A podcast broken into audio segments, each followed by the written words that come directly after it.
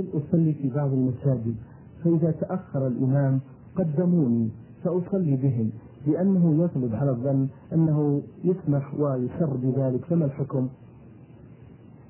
لا حرج عليه إذا قدمك أهل المسجد للصلاة فيهم بعد أن يأتي وقت الإقامة المعتاد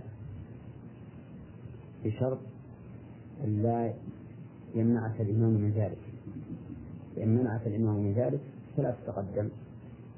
وإذا كان الإمام يرضى كما ذكرت في سؤالك ويصر بهذا من أجل أن لا يشق على المأمومين فإنه يشكر على هذا هذا العمل. ولكن ينبغي أن لا يتكل على هذا بحيث يتهاون في الحضور بناء على أن في المسجد من يقوم مقامه. بل الواجب على الإمام أن يؤدي الوظيفة على ما يراد منه. ولكن قد تعرض للإنسان أمور تجبره على التأخر وهذا ينبغي أن يقول الإمام لأهل المسجد إذا تأخرت عن موعد الإقامة خمس دقائق مثلا فأقيموا الصلاة. ليكون بذلك مرتاحا وليريح المأمومين أيضا. نعم. بارك الله فيكم. من جمهورية مصر العربية المستمع الذي رمز لاسمه بياء ألف يقول إذا كان لي معاملة في إحدى الدوائر الحكومية ولا أستطيع إنجازها إلا إذا دفعت مبلغا من المال لأحد الموظفين هل يجوز لي ذلك؟ أفيدوني مأجورين الواجب على الموظفين أن يتقوا الله عز وجل. وأن يؤدوا وظيفتهم على الوجه المطلوب وأن لا يحاضوا في وظائفهم شريفا ولا قريبا ولا غنيا ولا صديقا بل يكون الناس عندهم على حد سواء كل من سبق فهو أحق. ولا يحل لهم أن يؤخروا معاملات الناس من أجل التنكيل بالناس أو إرهاق الناس. أو من أجل أن يضطر الناس إلى بذل العوض لهم. فإن فعلوا هذا فهم آثمون. بل وخائنين أيضا. والواجب على من له ولاية عليهم أن يمثل بهم ويؤدبهم. ويستبدلهم بخير منهم. ولكن هؤلاء الذين أخذوا منه شيئا هم أكالون للسحت. آكلون للمال بالباطل آثمون من وجهين الوجه الأول الخيانة في وظيفتهم والوجه الثاني أكل هذا المال بالباطل وعلى من وفق من هؤلاء الموظفين وتاب أن يرد ما أخذه إلى أصحابه نعم. يسري حامد من جمهورية مصر العربية طنطا استعرضنا سؤالا له في حلقة سابقة بقي له هذا السؤال. يقول فضيلة الشيخ أنا من المتابعين لبرنامج نور على الدرب. استفدت منه كثيرا مع أهل القرية حيث أننا نتابع هذا البرنامج يوميا وأرجو أن تبينوا لنا أقسام التوحيد مفصلة عبر هذا البرنامج لأننا في زمن كثرت فيه الشركيات فنشاهد أناس يذبحون عند الأضرحة ويطوفون بها ويتقربون إليها. أرجو بيان ذلك مأجوري. الحمد لله رب العالمين وأصلي وأسلم على نبينا محمد خاتم النبيين وإمام المتقين وعلى آله وأصحابه ومن تبعهم بإحسان إلى يوم الدين.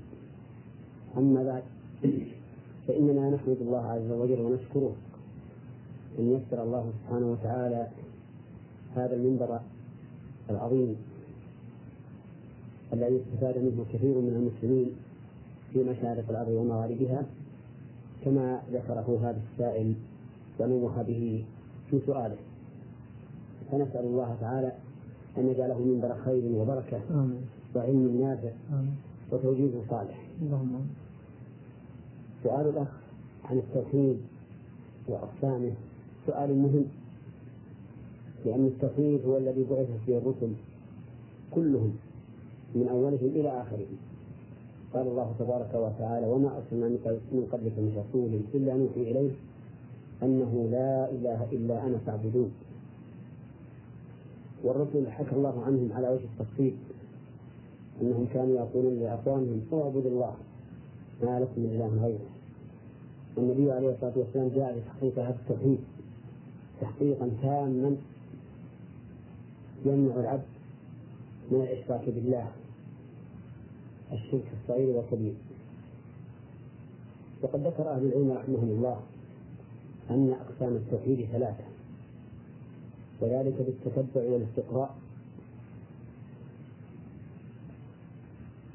أولها توحيد الربوبية والثاني توحيد الألوهية والثالث توحيد الأسماء والصفات.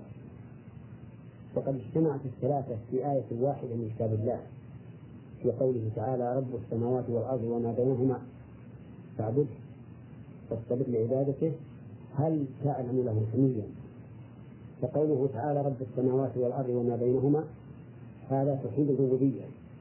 وقوله فاعبد واستبد لعبادته هذا توحيد الألوهية. وقوله هل تعلم له سميا هذا توحيد الأسماء والصفات. أي لا تعلم له سميا أي مساميا يضاهيه ويماثله عز وجل. أقسام التوحيد ثلاثة. توحيد الربوبية وهي إفراد الله عز وجل بالخلق والملك والتدبير. فلا خالق إلا الله ولا مالك إلا الله ولا مدبر إلا الله. لا أحد يقوم بهذا على وجه الإطلاق والعموم والشمول إلا الله رب العالمين. فهو المتفرد بالخلق والمتفرد بالملك والمتفرد بالتدبير. قال الله عز وجل ألا له الخلق والأمر. ألا له الخلق والأمر. الآية هذه فيها. حصر الخلق والأمر في الله وحده. وذلك بتقديم الخبر. ألا له الخلق. وتقديم الخبر تقديم ما حقه التأخير وهو يفيد الحصر كما قرر ذلك علماء البلاغة. فالخلق كله له والأمر كله له عز وجل. لا يشركه أحد. قال الله تعالى والذين تدعون من دونه ما يملكون من تطمير. إن تدعوهم لا يسمعوا دعاءكم ولو سمعوا ما استجابوا لكم ويوم القيامة يكفرون بشرككم ولا ينبئك مثل خبير. وقال تعالى قل ادعوا الذين زعمتم من دون الله لا يملكون مثقال ذرة في السماوات ولا في الأرض وما له فيهما من شرك وما له منهم من ظهير ولا تنفع الشفاعة عنده إلا لمن أذن له. فبين الله عز وجل أن هؤلاء الشفعاء الذين يشرك به الذين اتخذها اتخذهم عبادهم شفعاء عند الله شركاء مع الله. لا يملكون مثقال ذرة في السماوات ولا في الأرض. على وجه الاستقلال. بها دون الله. وما له فيهما من شرك. أي لا يملكون شركة مع الله عز وجل. فليسوا مستقلين في شيء. وليسوا شركاء مع الله في شيء. وما له منهم من ظهير. يعني ما لله أحد من هؤلاء. يساعده ويعينه عز وجل بل هو مستغني عن جميع خلقه. ولا تنفع الشفاعة عنده إلا لمن أذن له. وذلك لكمال سلطانه وعظيم ملكه عز وجل. لا أحد يشفع عنده يتوسط بشيء لأحد من خير أو دفع ضرر إلا بإذن عز وجل. وفي هذا قطع لجميع ما يتعلق به المشركون. الذين يدعون أنهم يعبدون هذه الأصنام يتخذونها شفعاء عند الله. قال لا تنفع الشفاعة عنده إلا لمن أذن له. فمن المعلوم أن الله لن يأذن لهذه الأصنام أن تشفع ولا يأذن لأحد أن يشفع لعابد هذه الأصنام. قال الله تبارك وتعالى وكم من ملك في السماوات لا تغني شفاعتهم شيئا إلا من بعد أن يأذن الله لمن يشاء ويرضى. وقال تعالى ولا يشفعون إلا لمن ارتضى وحينئذ تنقطع كل الآمال التي يتعلق بها هؤلاء المشركون الذين يعبدون مع الله غيره يرجونه نفعا أو دفع ضرر فإن ذلك لا ينفعهم. قال الله تعالى ومن أضل ممن يدعو من دون الله من لا يستجيب له إلى يوم القيامة وهم عن دعائهم غافلون. وإذا حشر الناس وكانوا لهم أعداء وكانوا بعبادتهم كافرين. إذا توحيد الربوبية إفراد الله عز وجل في أمور ثلاثة في الخلق والملك والتدبير. فلا خالق إلا الله ولا مالك إلا الله ولا مدبر إلا الله. وما يوجد من المخلوق من الأشياء. وما يوجد من المخلوق من الملك أو ما يوجد للمخلوق من الملك وما يوجد للمخلوق من التدبير فكله تدبير ناقص. وهم أيضا غير مستقلين به بل ذلك من خلق الله عز وجل. أما المنفرد بذلك على وجه الاستقلال فهو الله سبحانه وتعالى. فللمخلوق خلق وإيجاد؟ لكنه ليس كخلق الله. فالله تعالى موجد الأشياء من العدم والمخلوق لا يستطيع أن يوجد الشيء من العدم وإنما يستطيع أن يركب شيء مع شيء أو يغير صورة شيء إلى شيء كما لو غير النجار الخشبة إلى باب والحداد صفائح الحديد إلى أبواب وما أشبه ذلك. لكنها لكنه لن يخلق هذه المادة. قال الله تعالى يا أيها الناس ضرب مثل فاستمعوا له. إن الذين تدعون من دون الله لن يخلقوا ذبابا ولو اجتمعوا له. وإن يسلبهم الذباب شيئا لا يستنقذوه منه. ضعف الطالب والمطلوب ما قدر الله حق قدره؟ إن الله لقوي حديث. كذلك الإنسان له ملك. قال الله تعالى إلا على أزواجهم أو ما ملكت أيمانهم. وقال تعالى أو ما ملكت مفاتحه ولكن هذا الملك ملك مقيد محدود ليس بشامل. ولا, الإنسان فيه مطلق ولا وليس للإنسان فيه مطلق تصرف بل هو محدود. فما بيدي من الملك ليس ليس له وما بيدك من الملك ليس لي. ثم إنه ملك محدود لا نستطيع أن نتصرف فيه إلا على حسب ما جاءت به الشريعة. وكذلك للإنسان تدبير. يدبر مملوكه يدبر زوجته يدبر أهله لكنه تدبير ناقص. ليس بشامل ولا, ولا للإنسان فيه مطلق الحرية. وبهذا عرفنا أن المنفرد بالخلق والمنفرد بالملك والمنفرد بالتدبير هو الله عز وجل وحده. هذا قسم من أقسام التوحيد وهذا التوحيد لم ينكره المشركون الذين بعث فيهم رسول الله صلى الله عليه وآله وسلم. بل كانوا يقرون به غاية الإقرار ولئن سألتهم من خلقهم ليقولون الله. ولئن سألتهم من خلق السماوات والأرض والأرض ليقولون الله. وهكذا الآيات الكثيرة كلها تدل على أن المشركين الذين قاتلهم النبي صلى الله عليه وآله وسلم واستباح دماءهم وأموالهم ونساءهم وذريتهم كانوا يقرون بهذا التوحيد لكن ذلك لم ينفعهم. لأنهم مشركون في توحيد الألوهية توحيد العبادة الذي هو حق الله الخاص وهو القسم الثاني توحيد الألوهية. المستفاد من قوله تعالى وما أرسلنا من قبلك من رسول إلا نوحي إليه أنه لا إله إلا أنا فاعبدون والألوهية مبنية على شيئين بل العبادة مبنية على شيئين المحبة والتعظيم. فبالمحبة يكون الرجاء وفعل الأوامر. طلبا الوصول إلى محبة الله عز وجل وثوابه. والتعظيم وهو الأساس الثاني للعبادة وبه يترك الإنسان المناهي التي نهى الله عنه عنها لأنه بتعظيمه لله يترك مناهيه ويخاف من عقابه. ثم إن العبادة لها شرطان. الشرط الأول الإخلاص لله والثاني المتابعة لرسول الله صلى الله عليه وآله وسلم. فللعبادة إذا ركنان ولها شرطان. أما ركنها فالمحبة والتعظيم وهما الأساس. وأما شرطاها فهما الإخلاص والمتابعة لله لرسول الله صلى الله عليه وآله وسلم.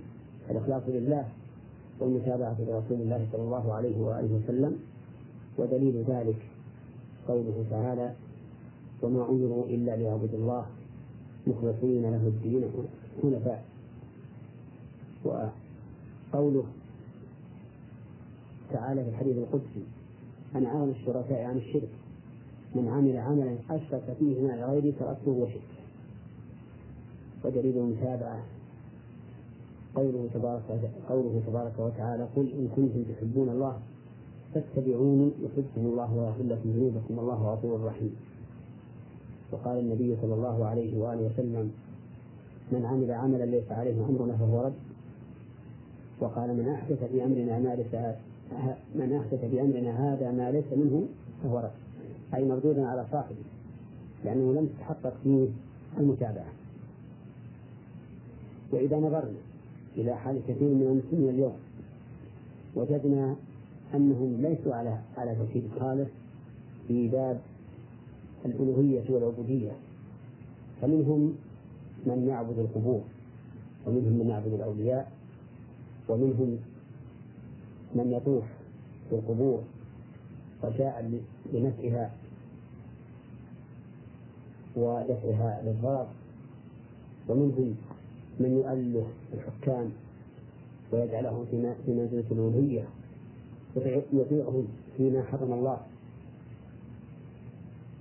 فيستحله وفيما أحل الله فيحرمه. وهذا هو اتخاذهم أربابا. قال الله تبارك وتعالى اتخذوا أحبارهم ورهبانهم أربابا من دون الله والمسيح ابن مريم. وما أمروا إلا ليعبدوا إله واحدا لا إله إلا هو سبحانه عما يشركون. ويروى عن علي بن حاتم رضي الله عنه أنه قال للنبي صلى الله عليه وآله وسلم يا رسول الله إنا لسنا نعبدهم. قال أليس يحرمون ما أحل الله فتحرمونه ويحلون ما حرم الله فتحلونه؟ قال فلا قال النبي صلى الله عليه وآله وسلم فتلك عبادتهم. وهذا القسم من التوحيد هو الذي خالف فيه المشركون رسول الله صلى الله عليه وآله وسلم. وأنكروه عليه. وقالوا له أو بل وقالوا فيه أجعل الآلهة إلها واحدا إن هذا لشيء عجاب. وسبحان الله أن يكون التوحيد عجابا. وأن يكون شركهم صوابا فالعجب العجاب الذي لا ينقضي هو أن يشرك هؤلاء بالله من لا ينفعهم ما لا ينفعهم ولا يضرهم ولا يستجيب لهم إلى يوم القيامة. وقد استباح النبي صلى الله عليه وآله وسلم دماء هؤلاء المشركين ونساءهم وذرياتهم وأموالهم وقاتلهم على ذلك أشد المقاتلة حتى يعبد الله عز وجل أو يعبد يدهم صغير أما القسم الثالث فهو توحيد الأسماء والصفات وهو إفراد الله عز وجل بأسمائه وصفاته وذلك بإثبات ما أثبته الله لنفسه ونفي ما نفى الله عن نفسه والسكوت عما سكت الله عنه ورسوله. إثبات بلا تمثيل ونفيا بلا تعطيل. وهذا هو الذي انقسمت فيه الأمة الإسلامية إلى أقسام متعددة. فمنهم السلف وهم فقط أهل السنة والجماعة الذين أثبتوا لله ما أثبته الله لنفسه من الأسماء والصفات في كتابه أو على لسان رسوله صلى الله عليه وآله وسلم إثباتا بلا تجديد ونفوا ما نفى الله عن نفسه نفيا بلا تعطيل وسكتوا عما سكت الله عنه ورسوله. ومن ذلك أنهم أثبتوا لله كل ما وصف به نفسه كل صفة أثبتها لنفسه من الحياة والعلم والقدرة والسمع والبصر والإرادة والكلام والعزة والحكمة والرحمة والعجب والضحك وأثبت لله الوجه واليدين والعينين وأثبت لله القدم والساق. وكذلك كل كلما وصف الله به نفسه أثبتوه لله عز وجل. لكن بلا تنفيذ. يقول نثبت هذا ونقول ليس كمثله شيء وهو السميع البصير. فيقول لله يد لكن ليست كأيدينا. وجه لكن ليس كوجوهنا. عينان لكن ليس كأعيننا وهكذا بقية الصفات. يقول أيضا واحد استوى على العرش على عليه علوا يليق بجلاله عز وجل. لكنه ليس كاستوائنا نحن على السرير أو على الدابة أو على الفلك؟ لا. لأن الله تعالى يقول ليس كمثله شيء وهو السميع البصير. هذا هو مذهب السلف.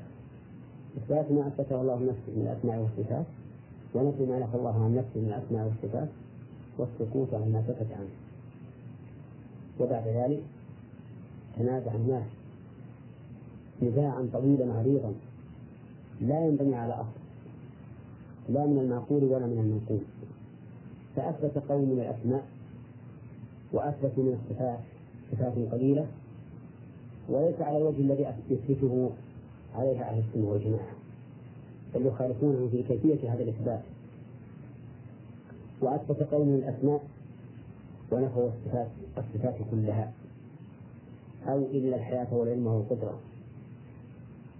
ونفى قوم الأسماء والصفات. ونفى قوم الإثبات والنفي. فاضطربوا في ذلك اضطرابا كثيرا لكن من هؤلاء من تصل بدعته إلى حد الكفر. المخرج من الملة ومنهم من دون ذلك. ولكن الحق فيما ذهب إليه سلف الأمة. وهم أهل السنة والجماعة. إثبات كل صفة أثبتها الله نفسه بدون تحريف ولا تعطيل. ولا تكييف ولا تمثيل ونفي كل صفة نفاها الله عن نفسه والسكوت عما سكت الله عنه. هذه هي الطريقة السليمة الثابتة سمعا وعقلا وفطرة وللناس في هذا كتب ورسائل معلومة. ومن أحسن ما رأيته تقريرا لهذا الأصل العظيم ما كتبه الشيخ الإسلام ابن تيمية رحمه الله وكتبه تلميذه ابن القيم فإنهما كتبا في هذا الباب كتابات عظيمة مفيدة. ما رأيت أحدا كتب مثل مثل كتاباتهما وغالب غالب من يكتب في هذا في هذا الباب تجده يقلد بعضهم بعضا ولهم مقلدون مشفوعون. لا يخرجون عن كلامهم ولو تبين الحق. والحقيقة أن الواجب على المرء أن يتبع ما دل عليه كتاب الله وسنة رسوله صلى الله عليه وآله وسلم وأنه ليس بمعذور إذا خالف ذلك من أجل قول فلان وفلان. قد يخطئ فلان وفلان من المسموعين خطأ يعذر فيه. لكن التابع الذي تبين له الحق لا يعذر في اتباعه لهؤلاء الذين أخطأوا. وإنني من هذا المنبر منبر نور على الدرب في إذاعة المملكة العربية السعودية. أدعو جميع إخواني الذين درسوا في هذا العلم علم التوحيد علم العقائد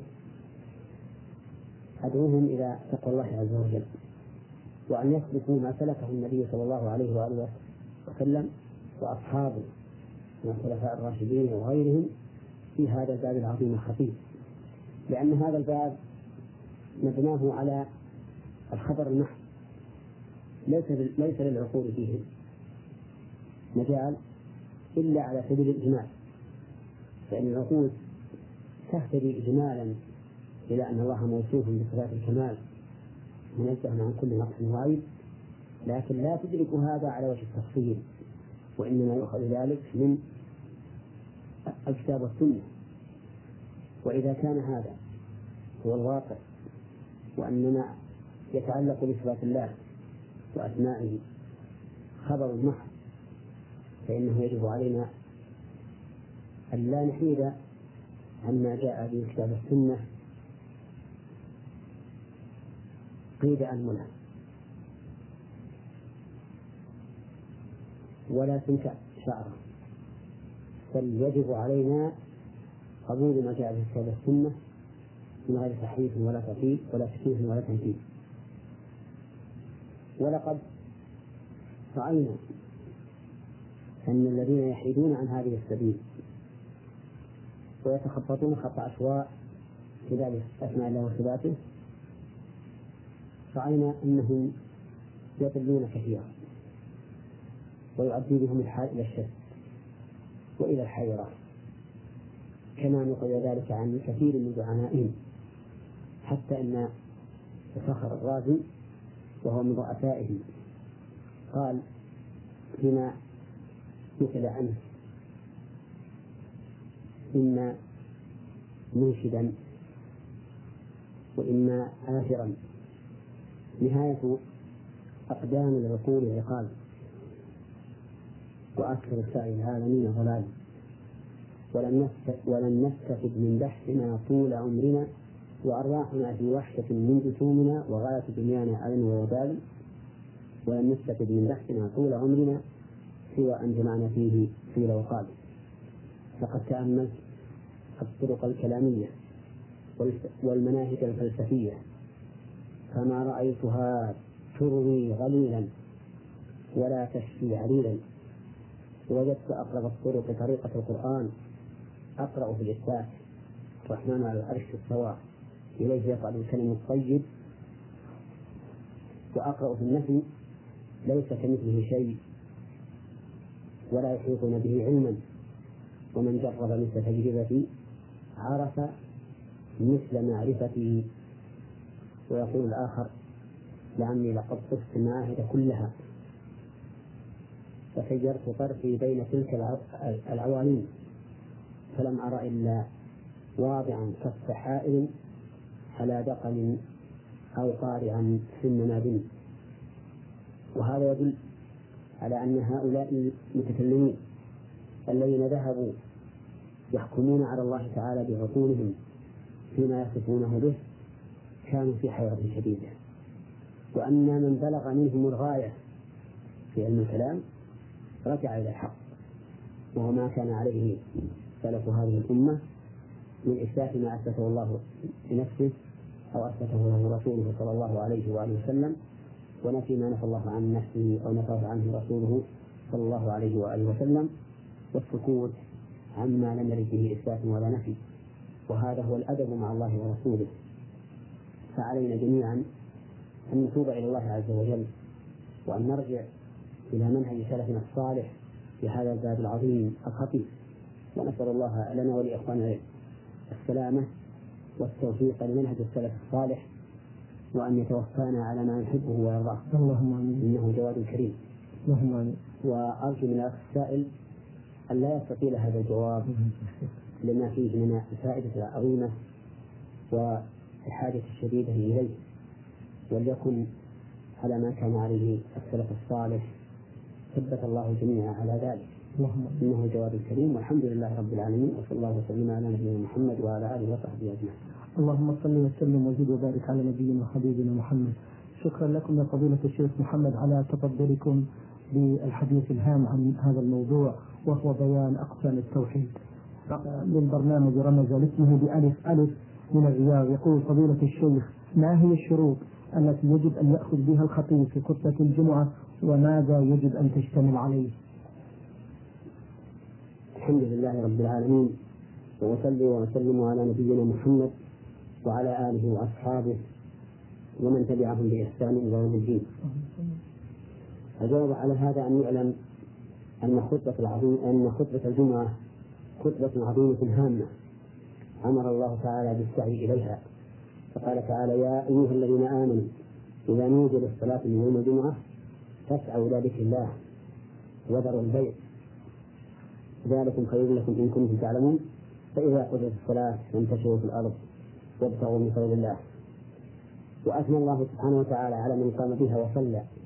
فقال قد أفلح من تزكى وذكر اسم ربه فصلى. وحرم النبي عليه الصلاة والسلام الكلام حال الخطبة وأوجب الاستماع إليها. فقال صلى الله عليه وآله وسلم إذا قلت لصاحبك أنفك يوم الجمعة ولمن يخطب فقد رويت وقال الذي يتكلم يوم الجمعة ولمن يخطب كمثل الحمار يحمل أسفارا وهذا يدل على أهمية الخطبة وأنها مما يجب الاستماع إليه. ولهذا لما دخل رجل يوم الجمعة والإمام يخطب والنبي صلى الله عليه وسلم يخطب. فجلس قال له أصليت؟ قال لا. قال قم فصلي ركعتين وتجوز فيهما. فأمره أن يتجوز الصلاة. الخطبة لئلا ينشغل بتطوير الصلاة عن الاستماع إلى الخطبة. وإذا كانت هذه أهميتها فإن الواجب على الخطيب أن يخطب خطبة مؤثرة نافعة. تعالج ما كان الناس عليه. وذلك يختلف باختلاف الأحوال والأزمان. فليراعي الخطيب هذا. أعني يراعي ما تقتضيه المصلحة فيما يطيل من الخطب التي يعالج بها ما كان الناس عليه. فمثلا إذا كان الخطيب يخطب بين يدي شهر رمضان. فإن من المناسب أن يتكلم عن أحكام الصيام وأحكام الصيام وأحكام الزكاة لأن كل هذه مما تفعل في شهر رمضان.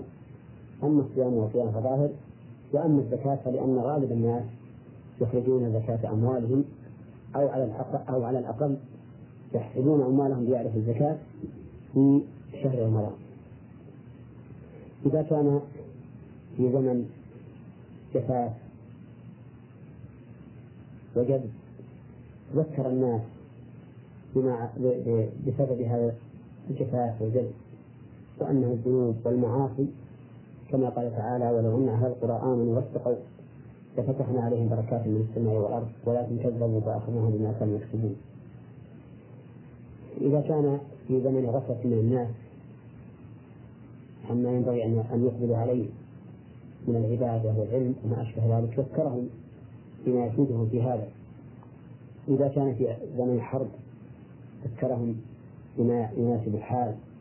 إذا كان في إذا كان في وقت يكثر فيه الوافدون إلى البلد كالبلاد السياحية أو بلاد أو البلاد ذات المشاعر ذكرهم بما يناسب حال هؤلاء الوافدين حتى يحملوا معهم إلى أقوامهم ما ينتفعون به.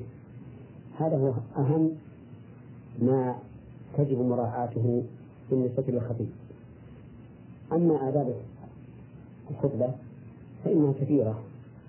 منها أن يكون الخطيب قويا في في خطبته مؤثرا منفعلا حسب ما يسوق من المعاني حتى يؤثر على الناس استيقاظهم واستيعابهم ما يقول وشد ضمائرهم وقلوبهم إليه لينتفعوا بهذه الخطبة.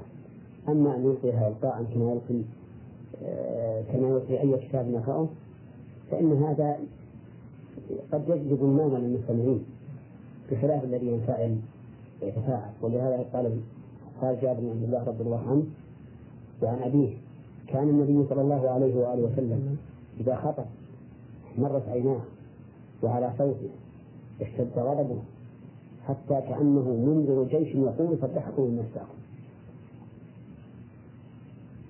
وكذلك أيضا ينبغي للخطيب أن يبدأ في مقدمة الخطبة بالأهم فالأهم فمن ذلك حمد الله عز وجل في أول الخطبة وهو ركن من أركان الخطبة.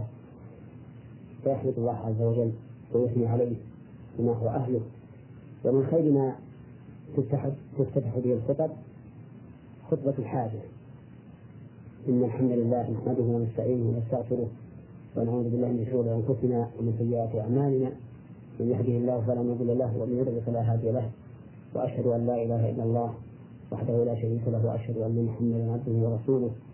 يا أيها الذين آمنوا اتقوا الله حق تقاته ولا تموتن إلا وأنتم مسلمون. يا أيها الناس اتقوا ربكم الذي خلقكم من نفس واحدة وخلق منها زوجها وبث منهما رجالا كثيرا ونساء. واتقوا الله الذي تساءلون به والأرحام إن الله كان عليكم رقيبا. يا أيها الذين آمنوا اتقوا الله وقولوا قولا سديدا يصلح لكم أعمالكم ويغفر لكم ذنوبكم. ومن يطع الله ورسوله فقد فاز فوزا عظيما. ثم يأخذ في الموضوع الذي يريد أن يتحدث فيه.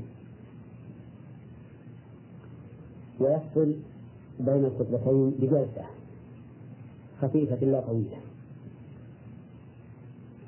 ويجعل الخطبة الثانية أقصر من الخطبة الأولى لأن الناس قد يكون لحقهم الملل والسآمة في الخطبة الأولى فتأتي الثانية على غير استدلال كامل لاستماعها.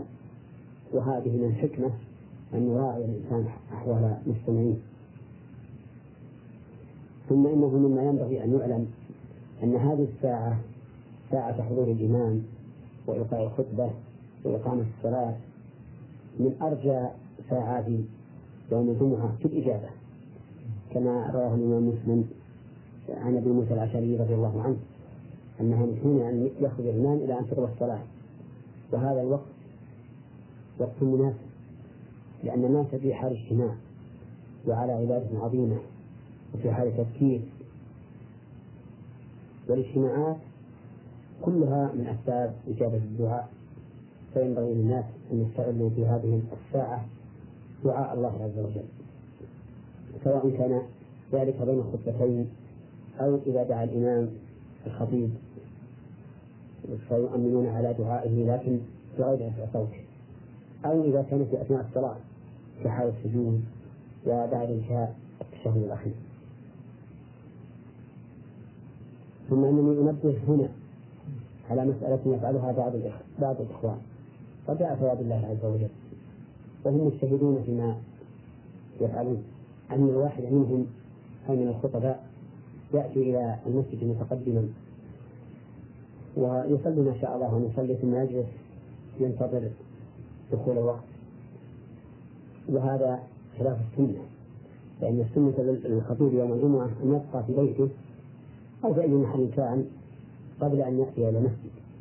والسنة أن لا يأتي المسجد إلا حين آه، وقت الخطبة والصلاة. كما كان رسول الله صلى الله عليه وآله وسلم يفعل ذلك. ولا شك أن خير هدي هدي محمد صلى الله عليه وآله وسلم. وليعلم الإمام أنه إذا تأخر إلى وقت مجيئه عند زوال الشمس أنه لن يحرم الأجر الذي حصل عليه من تقدم. وذلك أن من اغتسل يوم الجمعة في بيته وخرج من بيته مغتسلا فإنه إذا راح الساعة الأولى فكأنما قرب بدنه وإذا راح الساعة الثانية فكأنما قرب بقرة وإذا راح الساعة الثالثة كأنما قرب كبشا أقرا وإذا راح الساعة الرابعة كأنما قرب دجاجة وإذا راح الساعة الخامسة فكأنما قرب بيضة ثم إذا خرج الإمام سويت الصفوف ولم يكتب لأحد أجر تقدم وإن كان يجوز أجر الجمعة لكن لكن يحرم أجر التقدم. أما الإمام فلا يحضر إلا عند حضور وقت الصلاة. نعم. بارك الله فيكم فضيلة الشيخ. هذه المستمعة التي رمزت اسمها بألف ميم تقول في هذا السؤال فضيلة الشيخ. أرجو توضيح وبشكل مفصل قضية متى يعذر الإنسان بالجهل ومتى لا يعذر به من ناحية العقيدة والأحكام الفقهية. مأجوري هذا السؤال سؤال هام سؤال عظيم. لا يتسع المقام لنفس التفصيل فيه لأنه يحتاج إلى كلام كثير قد يستوعب هذه الحلقة كلها وزيادة. ولكن على سبيل الإجمال لدينا آيات من القرآن وأحاديث عن رسول الله صلى الله عليه وآله وسلم تدل على أن الإنسان معذور بالجهل في كل شيء لكن قد يكون مقصرا في طلب العلم فلا يعذر وقد تبلغه الحجة ولكنه يستكبر ويستنكر فلا يعذر في هذا الحال. فمن الآيات الدالة على أن الإنسان معذور بالجهل قوله تعالى ربنا لا تؤاخذنا إن نسينا أو أخطأنا فقال الله تعالى قد فعلت وقال الله تعالى وليس عليه جناح فيما أخطأتم به ولكن ما تعمدت قلوبكم وقال الله تبارك وتعالى وما كنا معذبين حتى نبعث رسولا وقال تعالى وما أرسلنا من قبلك إلا رجال يوحي إليهم فاسألوا أهل الذكر إن كنتم لا تعلمون. وقال الله تعالى وما كان الله ليضل قوم بعد إذ هداهم حتى يبين لهم ما يتقون. وقال الله تعالى وما كان ربك مهلك القرى حتى يبعث في أمها رسولا يتلو عليهم آياتنا. وما كنا مهلك القرى إلا وأهلها ظالمون. وقال الله تعالى وما كان ربك ليهلك القرى بظلم وأهلها مصلحون. والآيات في هذا المعنى عديدة. وكذلك السنة. فقد روي عن النبي صلى الله عليه وآله وسلم أنه قال إن الله تجاوز عن أمتي الخطأ والنسيان أو عفي عن أمة الخطأ والنسيان وما استكره عليه. ولكن قد يكون الإنسان مقصرا في طلب العلم بحيث يتيسر له العلم ولكنه لا يهتم به ولا يصرف إليه. وقد يكون الإنسان مستكثرا عما بلغه من الحق فيبين الحق ولكنه يقول إنا وجدنا آباءنا على أمة وإنا على آثارهم مهتدون كما يوجد من كثير من العامة المعظمين لكبرائهم من أمراء أو علماء أو غير ذلك يستنكفون عن الحق إذا دعوا إليه. وهؤلاء ليسوا بمعذورين. والمسألة مسألة خطيرة عظيمة. يجب التأني فيها والتريث. وربما نقول لا يقضى على كل لا يقضى فيها قضاء عاما بل ينظر إلى كل قضية بعينها فقد يحكم على شخص بكفره مع جهله وقد لا نحكم عليه. والناس يختلفون في مدى غاياتهم في الجهل.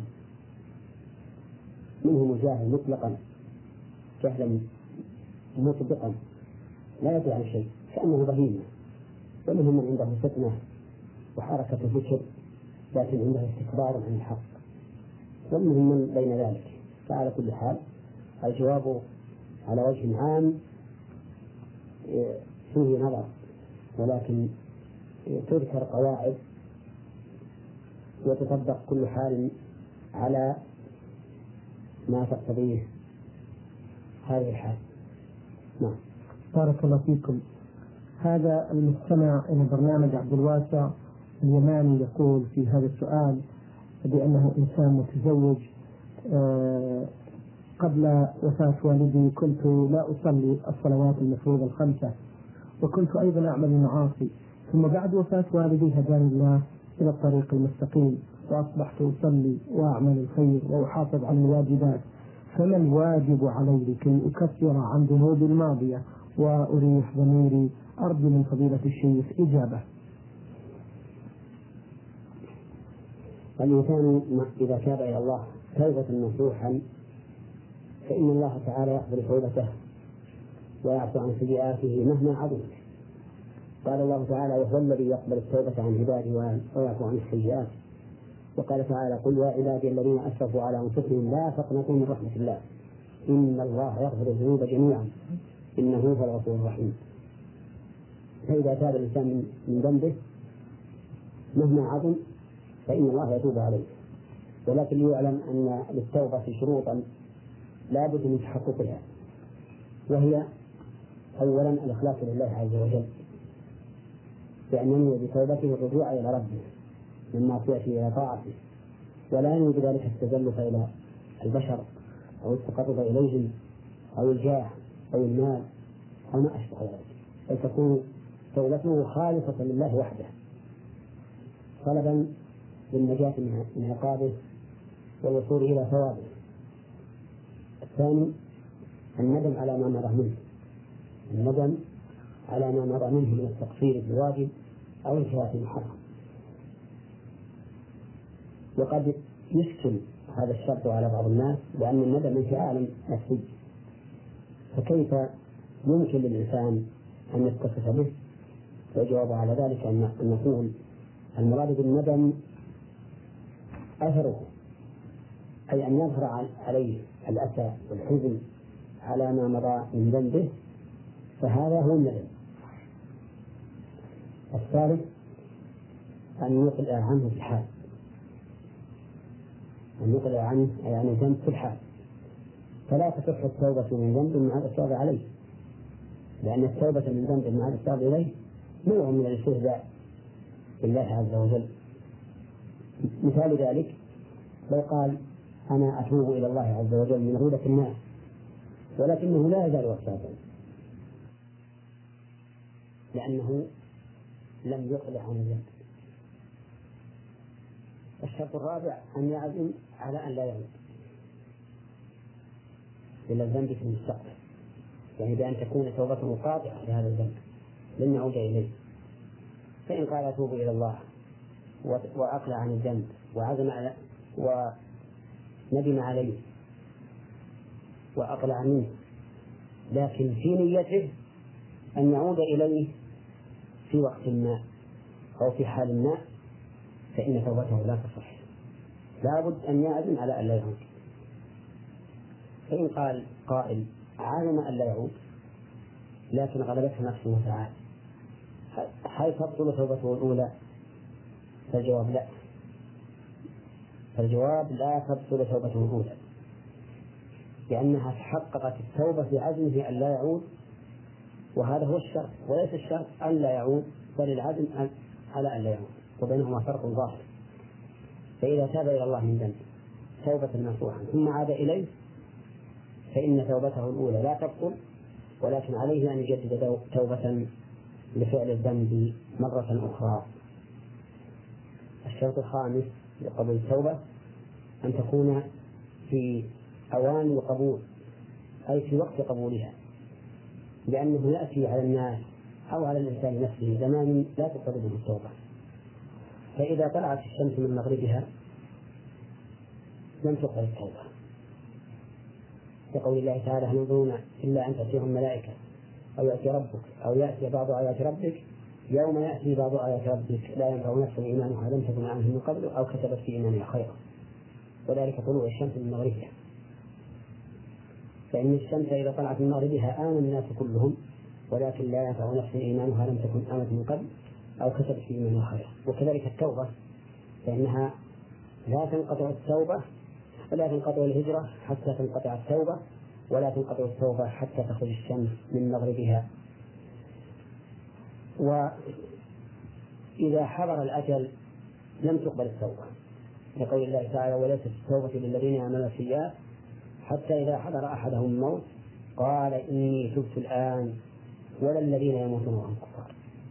فإذا عاد الإنسان ملك الموت فإنها لا تقبل توبته لأن هذه لأن هذه توبة ليست عن رغبة بل توبة مضطر فلا ينفع ولهذا لما أدرك فرعون الغرق قال آمنت أنه لا إله إلا الذي آمن إلا الذي آمن فيه بنو إسرائيل وأنا من المسلمين. فقيل له الآن يعني الآن تتوب وقد عصيت قبل وكنت من المفسدين.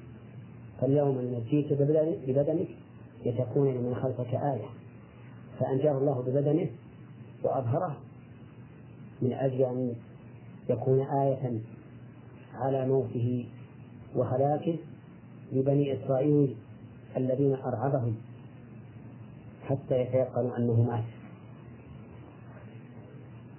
فالمهم أن أنك مهما عملت من الذنب إذا تبت إلى الله تعالى توبة نصوحا فإن الله يتوب عليك. بل إن الله يحب التوابين ويحب المتطهرين. نعم. بارك الله فيكم. هذه مستمعة من برنامج تقول فضيلة الشيخ هل يجوز أن تلبس المرأة آه، اللبس الأسود الشرعي في حالة إحرامها للحج بدل اللبس الأبيض؟ علما بأنها تلبس ذلك من بيتها. وهل نساء الرسول صلى الله عليه وسلم أو نساء الصحابة كن يلبسن اللبس الأبيض في حالة الإحرام؟ أرجو الإفادة. المرأة إذا أحرمت ليست كالرجل يلبس لباسا خاصا. إزارا ورداء بل المرأة تلبس ما شاءت من الثياب التي يباح لها لبسها قبل الإحرام. فتلبس الأسود والأحمر والأصفر والأخضر وما شاءت أما الأبيض فلا أعلم أن المرأة مطلوب منها أن تحرم بأبيض. بل إن الأبيض في الحقيقة من التبرج بالزينة. فإن لباس الأبيض المرأة يكسوها جمالا. ويوجب انطلاق النظر إليها. لذلك كونها تلبس اللباس الأسود مع العباءة أفضل لها وأكمل ولها أن تلبس الجوارب شراب الرجلين. أما القفازان شراب اليدين فإنه لا يجوز لها لبسها وعليها أن تغطي وجهها إذا قرب الرجال منها. لئلا ينكشف أمام الرجال الأجانب الذين ليسوا من محارمها. وفي هذه الحال تغطي وجهها ولا يضرها إذا مس بشرتها. خلافا لقول بعض العلماء الذين يقولون إنها تغطي وجهها بساتر لا يمس بشرتها فإن هذا القول ضعيف.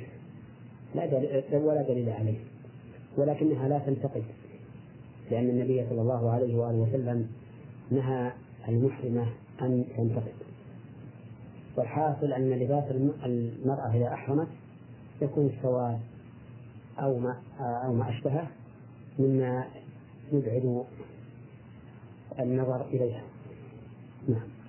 تقول المستمعة هل يجوز للمرأة أن تزكي عن نفسها أن يزكي عنها زوجها علما بأن ليس لها مال غير الحلية من الذهب أو غير بعض الذهبات وإذا كان لديها مال هل تزكي منه؟ أم يزكي عنه الزوج؟ أرجو بهذا إفادة. الزكاة واجبة على الإنسان نفسه. إذا ملك النصاب من المال الزكوي وحلي المرأة من الذهب والفضة من الأموال الزكوية فيجب على المرأة إذا بلغ حليها نصابا من الذهب يجب عليها أن تزكيه. وفيه ربع العشر. فإن قام زوجها عنها في زكاته فهو مشكور على ذلك ويجزئها وإن لم يقم فإن كان عندها مال زكت منه وأبقت الذهب على ما هو عليه وإن لم يكن لها مال فإنها تبيع من الذهب بقدر الزكاة وتخرج الزكاة. فإن قال قائل إذا أوجبتم عليها الزكاة فإنه على مر السنين سوف لا يكون عندها حلي فالجواب على هذا أن نقول إن إن هذا الحلي إذا بلغ قدرا ينقص به عن النصاب فلا زكاة فيه وحينئذ لا يمكن أن تؤدي الزكاة كل الحلي أما مالها غير الحلي فهي أيضا تزكيه هي ولكن إن شاء زوجها أن يزكي عنها فلا حرج. نعم. نختم هذا اللقاء الطيب المبارك من برنامج نور الدرب بهذا السؤال للمستمع محمد ألف من القصيم يقول هل صحيح أن للعلم زكاة وهي بذله للناس وتعليمهم إياه؟ نعم يجب على العالم أن يبين علمه للناس إذا احتاجوا إليه سواء بالإجابة على أسئلتهم أو ببيان ببيان العلم إذا احتاجوا إذا احتاج الناس إليه وإن لم يسألوا. لقول الله تعالى وإذا أخذ الله ميثاق الذين أوتوا الكتاب لتبيننه للناس ولا تكتمونه. فنبذوه وراء ظهورهم واشتروا به ثمنا قليلا فبئس ما يشترون وهذا الواجب يسميه بعض العامة زكاة زكاة العلم التعليم وزكاة المال الصدقة وزكاة الجاه الشفاعة وما أشبه ذلك من العبارات وما أشبه ذلك من العبارات التي يقولها العامة. ولكن نحن نقول سواء سميتموه زكاة أو لم تسموه يجب على أهل العلم أن يبينوا العلم للناس لئلا يكونوا من الذين أوتوا العلم فكتموه نسأل الله أن يرزقنا جميعا العلم النافع والعمل الصالح والرزق الطيب الواسع الذي يغنينا به عن خلقه. إنه جواب كريم صلى الله وسلم على نبينا محمد وعلى آله وصحبه أجمعين. اللهم صل وسلم وزد وبارك على نبينا وحبيبنا محمد. ابن القسيم يقول فضيلة الشيخ تقام صلاة الفجر بعد الأذان ب 25 دقيقة في كثير من المساجد ولكن ذكر أحد الإخوان أن الفجر لا يطلع إلا بعد التقويم بفترة ليست بالقصيرة. فهل ترى يا فضيلة الشيخ تأخير الصلاة إلى 45 دقيقة مثلا من الأذان حتى نتأكد من طلوع الفجر الحمد لله رب العالمين وأصلي وأسلم على نبينا محمد خاتم النبيين وإمام المتقين وعلى آله وأصحابه ومن تبعهم بإحسان إلى يوم الدين. الذي ينبغي أن يوجه هذا السؤال إلى واضع التقويم ومحدد دخول الأوقات. فإذا كانوا قد علموا أو غلب على ظنهم دخول الوقت في الزمن الذي حددوه فإنهم فإنه يهمل في هذا التقويم. وإذا قالوا إننا وضعناه لا عن يقين ولا عن غلبة ظن وهذا بعيد. أقول وهذا بعيد فإن الإنسان يعمل بما يغلب على ظنه أو يتيقنه من دخول الوقت.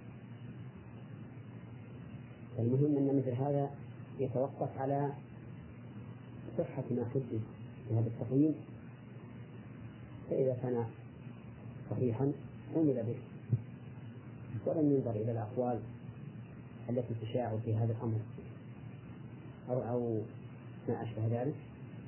وإذا قالوا إننا لا لم نحط علما ولا غلبة ظن فيما وضعناه وإنما هو حسابات الصبح والتقسيم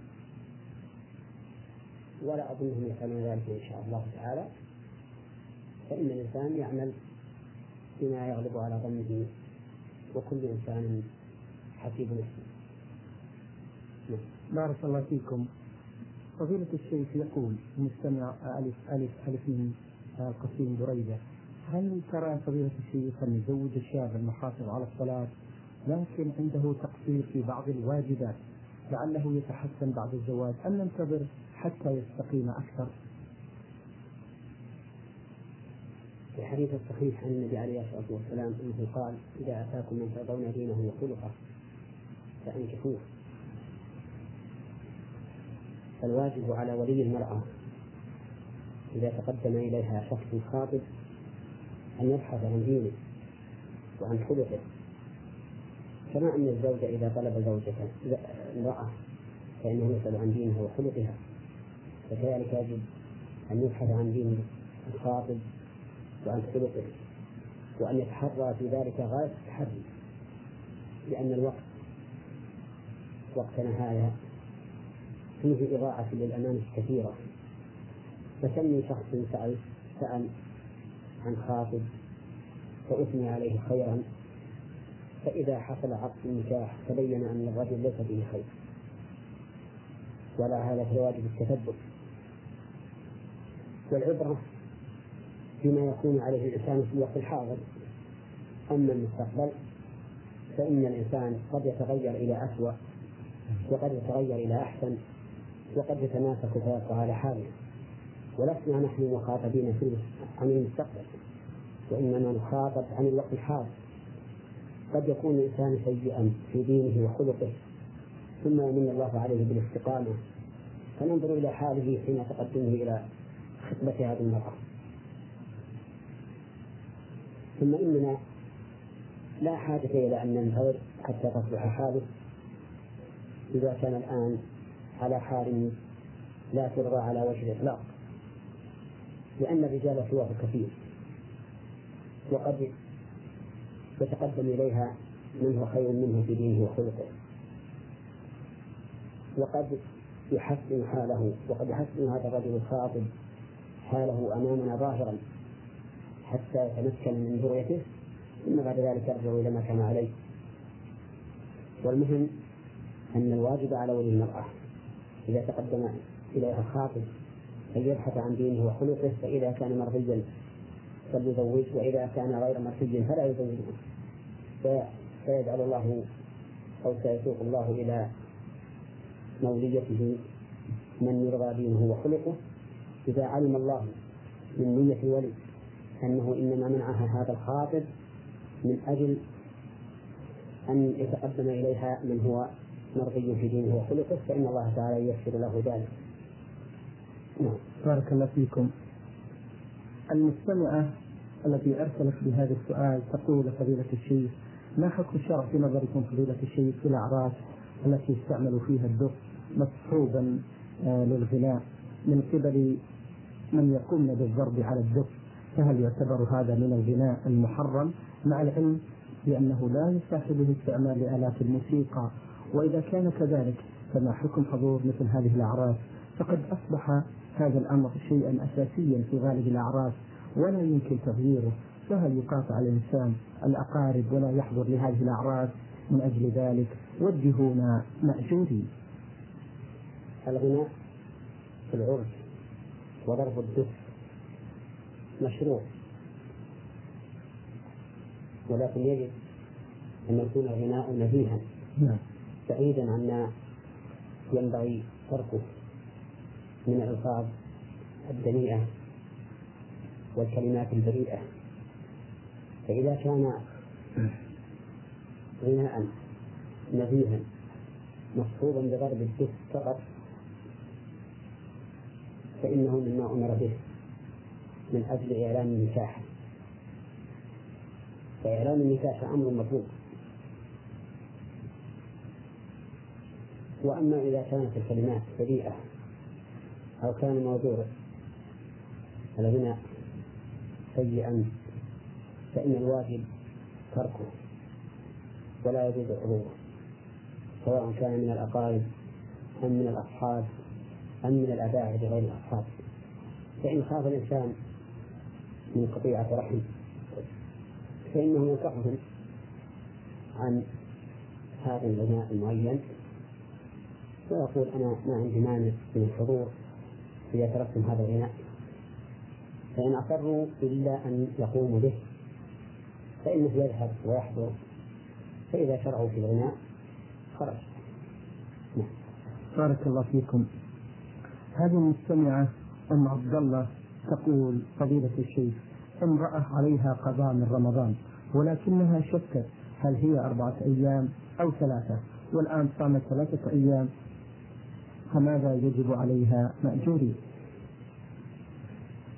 إذا شك الإنسان فيما عليه من واجب القضاء فإنه يأخذ بالأقل. فإذا شكت المرأة أو الرجل هل عليه قضاء ثلاثة أيام أو أربعة فإنه يأخذ بالأقل. لأن الأقل متيقن وما زاد مشكوك فيه والأصل براءة الذمة. ولكن مع ذلك الأحوط أن يقضي هذا اليوم الذي شك فيه. لأنه إن كان واجبا عليه فقد حصلت براءة ذمته بيقين وإن كان غير واجب فهو تطوع. والله تعالى لا يضيع أجر من أحسن عملا نعم. تقول في فقرة لها هل يجوز للمرأة أن تذهب إلى الأسواق لوحدها؟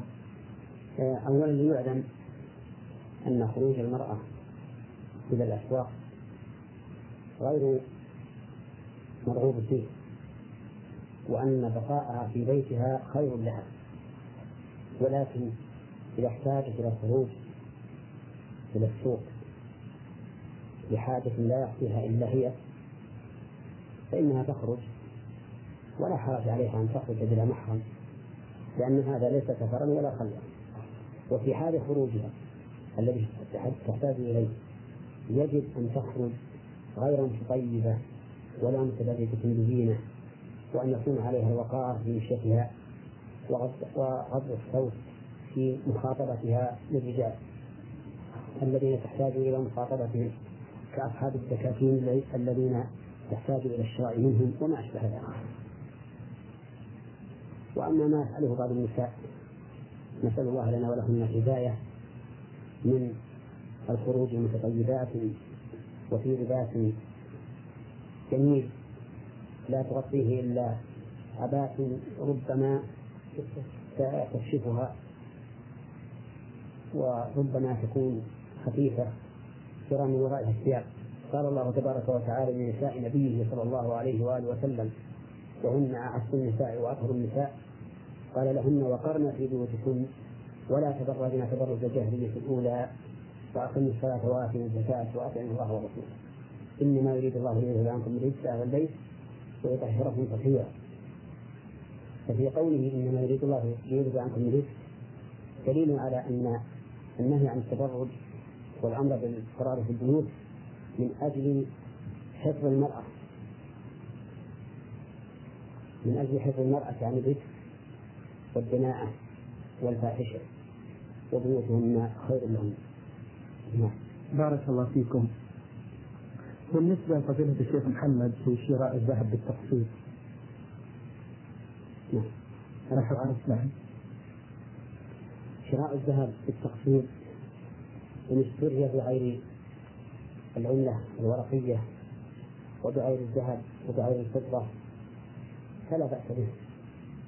مثل أن يشترى بطعام من تمر أو بر أو يشترى بسيارات ومع أشبه ذلك فإنه لا حرج فيه لأنه لا ربا بين الذهب والفضة وبين المطعومات ولا ربا بين الذهب والفضة وبين المصنوعات. أما إذا اشترى يشترى الذهب بالتقسيط بعملة ورقية أو بذهب أو بفضة فإن ذلك حرام. لأن بيع الذهب بالذهب اشترط فيه شرطان الشرط الأول التساوي وزنا والشرط الثاني التقابض قيمة العقد. وإذا بيع الذهب بفضة أو بأوراق عملة اشترط فيه شرط واحد وهو التقابض في نفس العقد قبل التفرق لقول النبي صلى الله عليه وآله وسلم الذهب بالذهب مثلا بمثل سواء بسواء يد بيد. ولقوله عليه الصلاة والسلام الذهب بالذهب والفضة بالفضة والبر بالبر التمر بالتمر والشعير بالشعير والملح بالملح مثلا بمثل. سواء بسواء فإذا اختلفت هذه الأصناف فبيعوا كيف شئتم إذا كان يدا بيد نعم. بارك الله فيكم. هذا المستمع محمد ألف ألف يقول فضيلة الشيخ إذا مررت بالمقبرة المسورة هل أسلم عليهم أم لا بد من الدخول إلى المقبرة؟ أنا متوقف في هذا نعم. فأحيانا أقول يسلم لأن المقبرة تعتبر دارا لهؤلاء الأموات. وأحيانا أقول لا يسلم لأن الإنسان لو مر في بيت رجل وهو يعلم أن الرجل في نفس البيت فإنه لا يسلم عليه حتى يلاقيه ويدخل إليه. أو يقف عند بابه مستأذنا فأنا أتوقف في هذا. لكن إن سلم فأرجو أن لا يكون فيه بارك الله فيكم. إذا حلف الإنسان عدة أيمان لا يعلم عددها فهل فهل يكفي أن يخرج كيسا من الأرز ويوزعه على عشرة مساكين أو أكثر؟ هذه المسألة فيها خلاف بين العلماء هل تتعدد الكفارات بتعدد الأيمان؟ نعم أو يكفي فيها كفارة واحدة؟ فقال بعض أهل العلم إن الإيمان مهما كثرت فإنه يكفي فيها كفارة واحدة. وذلك لأن الموجب واحد. فلو قال والله لا ألبس هذا الثوب. والله لا ألبس هذه الغفرة والله لا أخرج من البيت. والله لا أخ... لا أركب سيارات فلان. فهذه أربعة أحلاف. فمن العلماء من يقول إذا حنث فيها لزمه أربع كفارات. ومنهم من قال لا يلزمه إلا كفارة واحدة لأن موجب هذه الأيمان شيء واحد فهو كما لو تعددت الأحداث فإنه يكفي فيها وضوء واحد.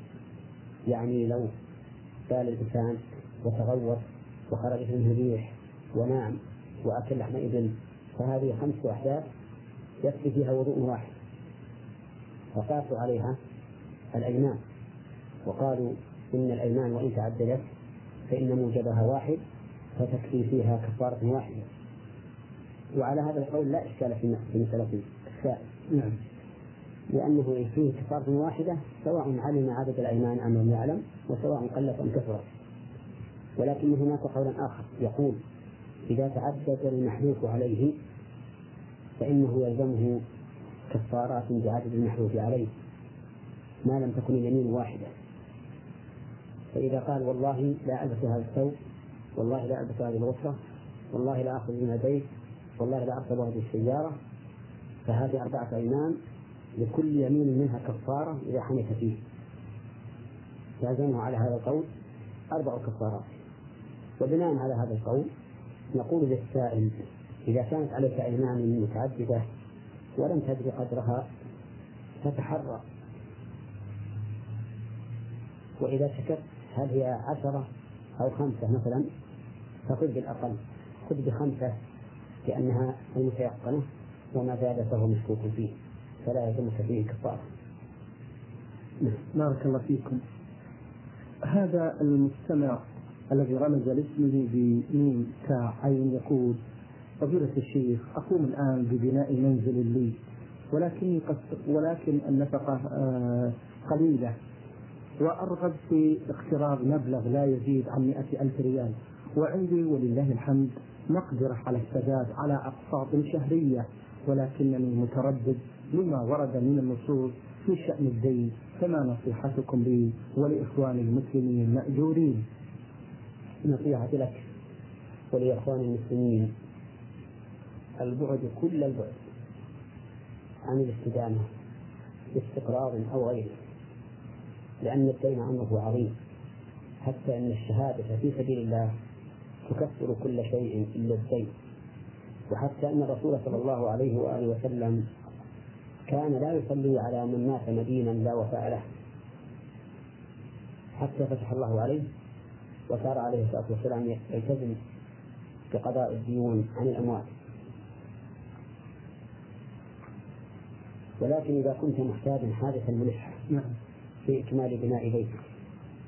وعندك ما يمكنك الوفاء منه لكنه ليس حاضرا في الوقت الحاضر واستقرضت من أحد قرضا مؤجلا أو غير مؤجل فأرجو أن لا يكون في ذلك بأس. ولكن احرص كل الحرص الحرص على أن لا لا تستقرض ولا تستدين من أحد. وسيجعل الله لك فرجا ومخرجا بارك الله فيكم. هذا مستمع للبرنامج أبو محمد من الرياض يقول رجل اقترض مبلغا من المال من ابنته وأخبر وأخبر أولاده بذلك. وقد توفي هذا الرجل. فهل للبنت المطالبة في حقها أم أن مالها يكون ملكا لأبيها؟ للبنت أن تطالب بما لها على أبيها لأن أباها أخذه منها لا على سبيل التملك ولكن على سبيل القرض وقد أقر به لها فإذا مات وجب أن يقضى ذلك من تركته أولا ثم تدري البنت مع إخوانها فيما فرضه الله لها فيما فرضه الله لها من من الميراث. بارك الله فيكم. هذا طالب في مدرسة يقول في الإذاعة يا فضيلة الشيخ المدرسة ترغب آه، في الإذاعة المدرسية ترغب الإدارة أن يبدأ البرنامج بالقرآن الكريم يوميا ولكننا لا نفعل ذلك. نرجو التوجيه من الشيخ محمد مأجوري. الذي ينبغي أن لا يتخذ ذلك سنة دائمة أعني البداءة بالقرآن الكريم عند فتح الإذاعة لأن البداءة بالقرآن العظيم عبادة. نعم. والعبادة تحتاج إلى توقيف من الشرع. ولا أعلم أن الشرع سن للأمة أن تبتدئ خطاباتها ومحاضراتها وما أشبه ذلك بالقرآن الكريم. لكن إذا إذا ابتدأ أحد بقراءة ما يناسب المحاضرة مثلا تقديمة لها ولعل المحاضر يتكلم على معاني الآيات التي قرأها فإن هذا طيب لا بأس به. مثل أن تكون المحاضرة عن الصيام فيقوم أحد الناس يقرأ آيات الصيام قبل بدء المحاضرة أو تكون المحاضرة في الحج فيقوم أحد ويقرأ آيات الحج فإن هذا لا بأس به. لأنه مناسب فهو كالتقدمة لهذه المحاضرة التي تتناسب مع هذه الآية أما اتخاذها سنة رافدة كلما أردنا المحاضرة أو كلما أردنا كلاما قرأنا القرآن فهذا لا ليس بسنة. نعم. بارك الله فيكم وفضيلة الشيخ. آه المستمع أبو محمد يقول هل من أسماء الله الحق؟ نعم. من أسماء الله تعالى الحق. قال الله تعالى ذلك بأن الله هو الحق. ويعلمون أن الله هو الحق المبين. ولكن نسمع كثيرا من الناس إذا أراد أن يستشهد بآية قال قال الحق كذا وكذا. والأولى أن يعبر بما كان السلف يعبرون به. فيقول قال الله كذا. قال الله كذا. حتى كان النبي عليه الصلاة والسلام إذا حدث عن الله عز وجل بحديث قال قال الله تعالى فالذي ينبغي لنا أن نتبع ما كان عليه سلفنا في مثل هذه الأمور. وإذا أردنا أن نستشهد بآية قلنا قال الله تعالى كذا وكذا. نعم. بارك الله فيكم فضيلة الشيخ إذا سجد الإمام سجود التلاوة. ولم أتابعه هل تصح صلاتي أم لا؟ إذا آه، الإمام مشروع. يجب على الإنسان أن يفعل ما يفعله إمامه لقول النبي صلى الله عليه وآله وسلم إنما جعل الإمام ليؤتم به. فإذا كبر فكبروا وإذا ركع فاركعوا وإذا سجد فاسجدوا. فإذا سجد الإمام للتلاوة وجب على المأموم متابعته. امتثالا لأمر النبي صلى الله عليه وآله وسلم في قوله فإذا وإذا سجد فاسجدوا فإن تخلف عن سجد التلاوة عالما فإنه فإن صلاته تبطل لأنه ترك الواجب عمدا. أما إذا كان غافلا أو كان بعيدا لم يسمع إمامه فإن صلاته صحيحة. لأن هذه السجدة ليست من أركان الصلاة.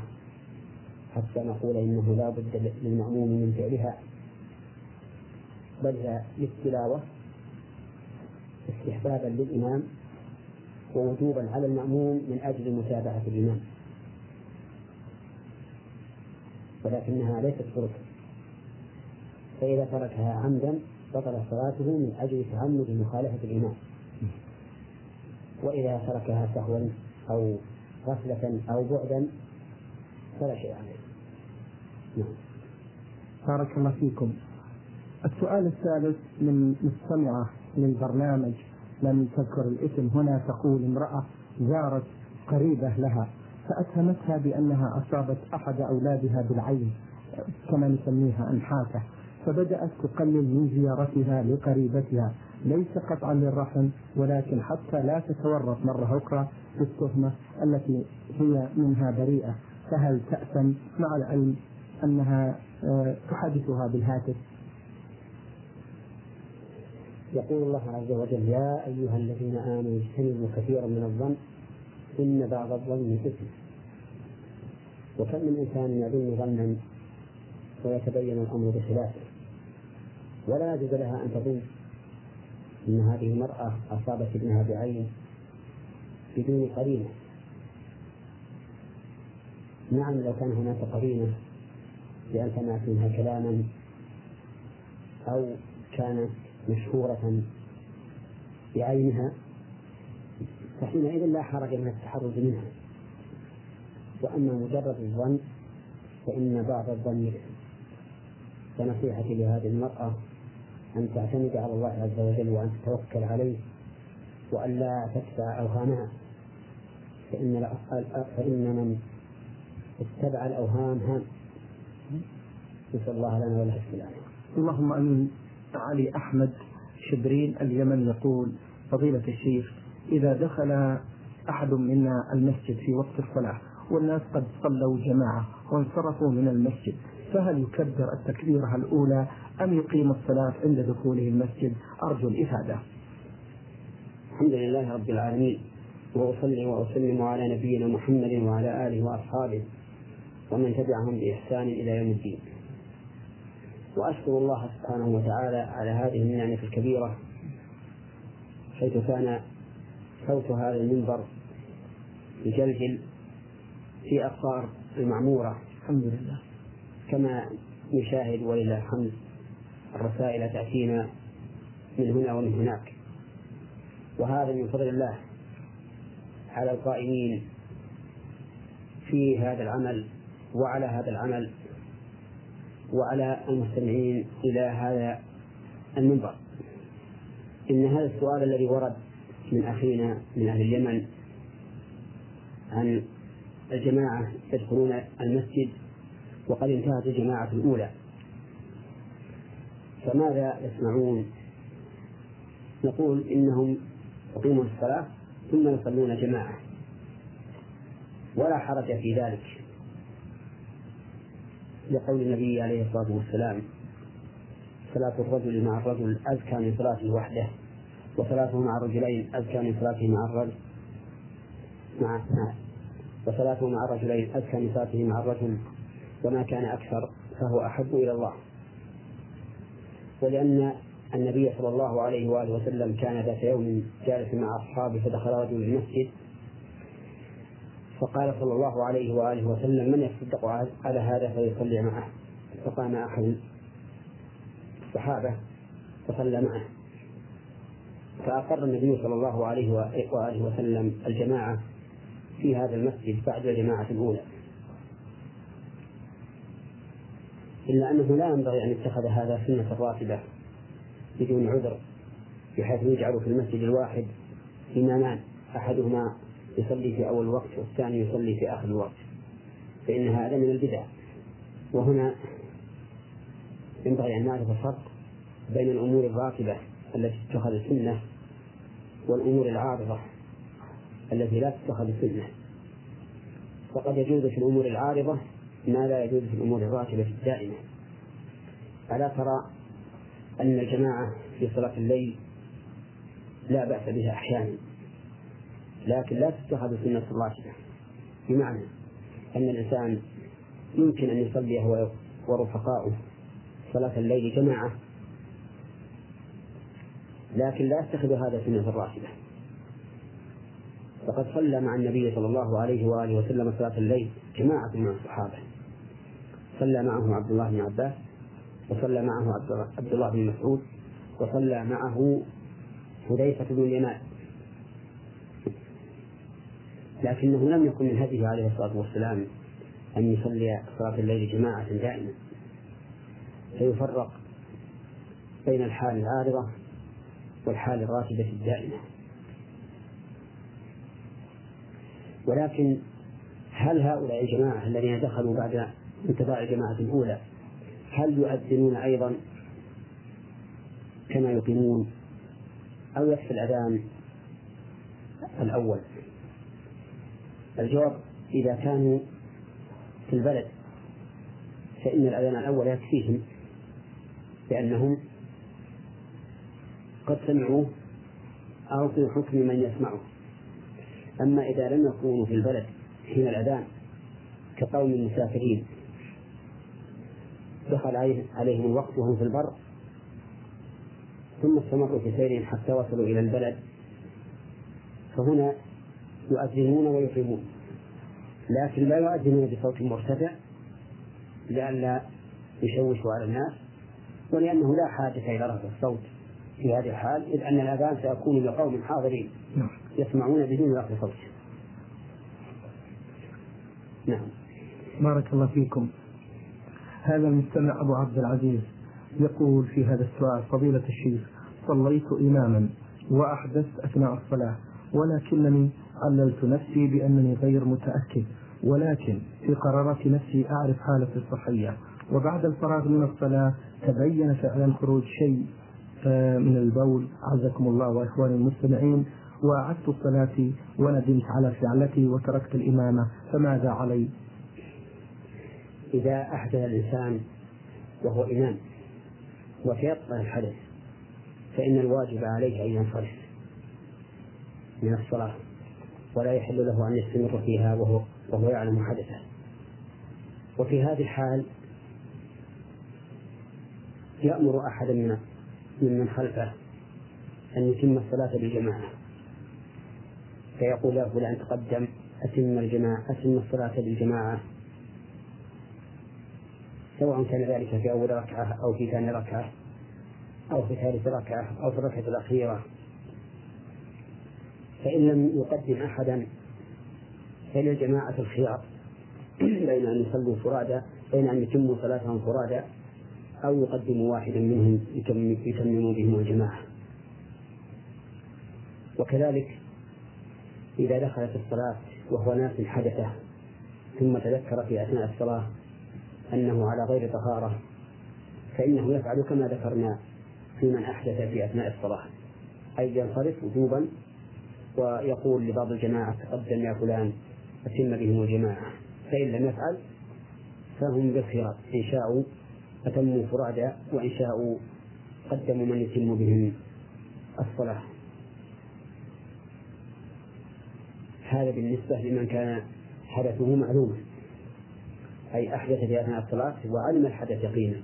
أو نسي أنه صلى محدث أنه صلى محدثا ثم ذكر في أثناء الصلاة.